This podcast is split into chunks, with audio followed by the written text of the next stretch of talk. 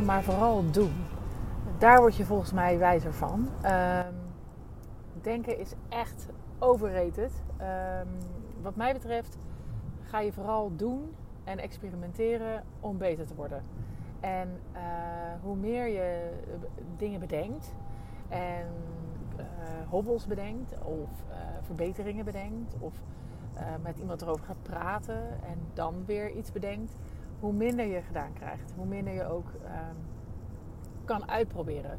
Um, ondernemen is een spel, is een experiment. Um, en op het moment dat je dat ook zo kan zien, dan durf je ook te leren. Hè, mijn insteek nu uh, is: ik wil gaan leren om een podcast te maken. Nou, heb ik daar al heel veel over gedacht. Heel veel podcasts geluisterd. Van alles over bedacht. Uh, wat je allemaal moet kunnen, wat je allemaal moet leren. Uh, en wat heeft me dat gebracht? Nou, allerlei leuke overdenkingen en leuke verlangens over. Oh, dat wil ik misschien wel een keer doen. Um, maar wat het vooral heeft gebracht, is dat ik nog niks heb gedaan. En um, op het moment dat je daar ineens van denkt, ja klaar, het is goed zoals het is, ga je wat doen en dan pas ga je leren. Want dan ga je jezelf terug horen. In mijn geval nu met de podcast. Uh, ga ik dus nu leren. Ik ga nu um, bedenken van, oh ja, maar er moet ook een intro en een outro uh, zijn. Uh, op welke kanalen moet het eigenlijk terechtkomen? hoe ga ik om met het gevoel dat mensen er misschien iets van vinden? Hoe, moet ik er reclame voor maken? In de zin van, moet ik het een keer zeggen op mijn stories?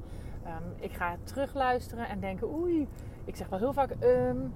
Of ik ga mensen juist iets van terugkrijgen van... hey, kan je daar eens wat over zeggen, hoe jij daar tegenaan kijkt? Ik ga mijn stem vinden nu.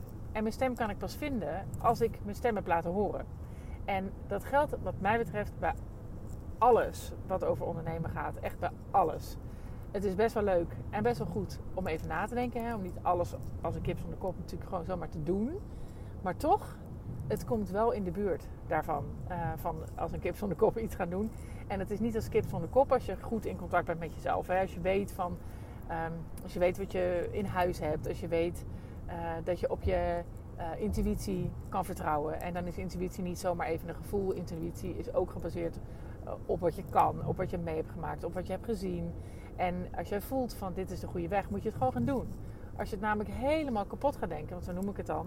Dan... Um, ga je veel te veel invloeden ook over dat onderwerp van allerlei andere mensen meenemen. En uiteindelijk verlamt dat uh, je keuzes en verlamt dat je, vooral je acties.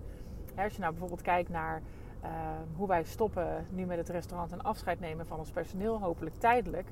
Um, daar heb ik, hebben wij kort over nagedacht. Um, maar vooral ook niet met te veel mensen over gepraat. Het risico is, en dat gebeurde ook even, is dat je met iemand erover gaat praten die dus niet in jezelfde manier van ondernemen, manier van denken meegaat. En die maakt dan dat je eigenlijk een heel andere route kiest. Dus ik dacht ineens, oh nee, maar we moeten het niet op die manier doen. Ik moet het eigenlijk misschien via die regeling doen. Of ik moet het eigenlijk uh, helemaal niet doen. Of we moeten toch doorgaan. We moeten helemaal niet stoppen. Terwijl ik eigenlijk heel goed wist, wij moeten nu tijdelijk ons restaurant stoppen. Dat is de goede keuze. Dat is de, de, zoals in de vorige podcast natuurlijk verteld, is de, the way to go voor ons nu. Um, de beste optie, de beste in optie ook vooral. En uh, daar hoort bij dat ik deze keuzes wil maken met mijn personeel. Maar op het moment dat ik daar dus langer over nadenk en met meer mensen over praat dan een paar dagen, uh, nou in dit geval een paar dagen, dan uh, ga ik hele andere keuzes maken. En dan wordt het niet meer van mij en dan worden ze niet goed en dan ga ik krampachtig doen, uh, dan gaat het ook niet lukken. Dan krijg je ook niet het resultaat wat je wil. En ja, is het vooral niet leuk. Het hele experiment is weg. Het voelt ook niet meer als kloppend.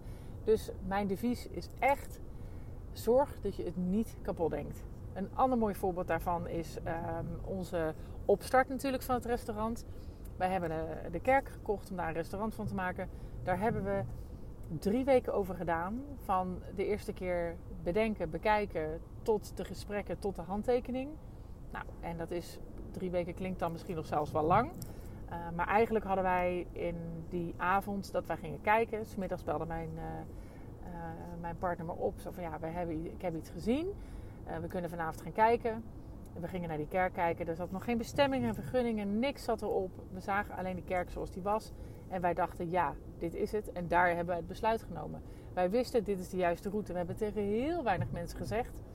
Maar doordat we gewoon met z'n tweeën wisten, dit gaan we zo doen. En dat dat echt helemaal klopte in ons hoofd en in ons hart, is het ook gelukt.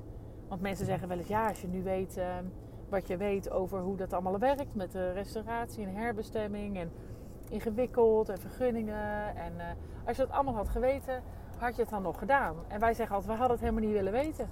Dat is bewust kiezen wij ervoor om dat allemaal niet te willen weten. Omdat je dan beïnvloed wordt en van je pad afgetrokken wordt eigenlijk. Terwijl dat niet is wat je moet doen. Je moet juist die stip op de horizon zien en denken, ik ga ervoor. Ik wil niet zeggen dat je niet moet nadenken over wat er allemaal kan gebeuren. Maar de andere kant is dat je ze toch wel tegenkomt. Je komt wel tegen wat je moet oppakken. En als je er vertrouwen in hebt dat je naar een stip toe gaat, naar een horizon, dan lossen die problemen zich wel op doordat je ze dan aanpakt. En dat gebeurt dan ook. We hebben ook mensen gezien die een kerk wilden herbestemmen. Um, of, en die gingen zich verenigen in een club. En met heel veel mensen die van alles vonden. Het kan een prima route zijn, geen oordeel, helemaal, helemaal oké. Um, maar die gingen daar vervolgens met heel veel mensen dus in die vereniging allemaal over nadenken. Allemaal plannen maken, uitschrijven, bespreken. Andere mensen bij betrekken, nog een keer uitschrijven, nog een keer bespreken. En die, die kerk is nog steeds niet herbestemd. En dan ben je gewoon vijf jaar verder, zes jaar zelfs.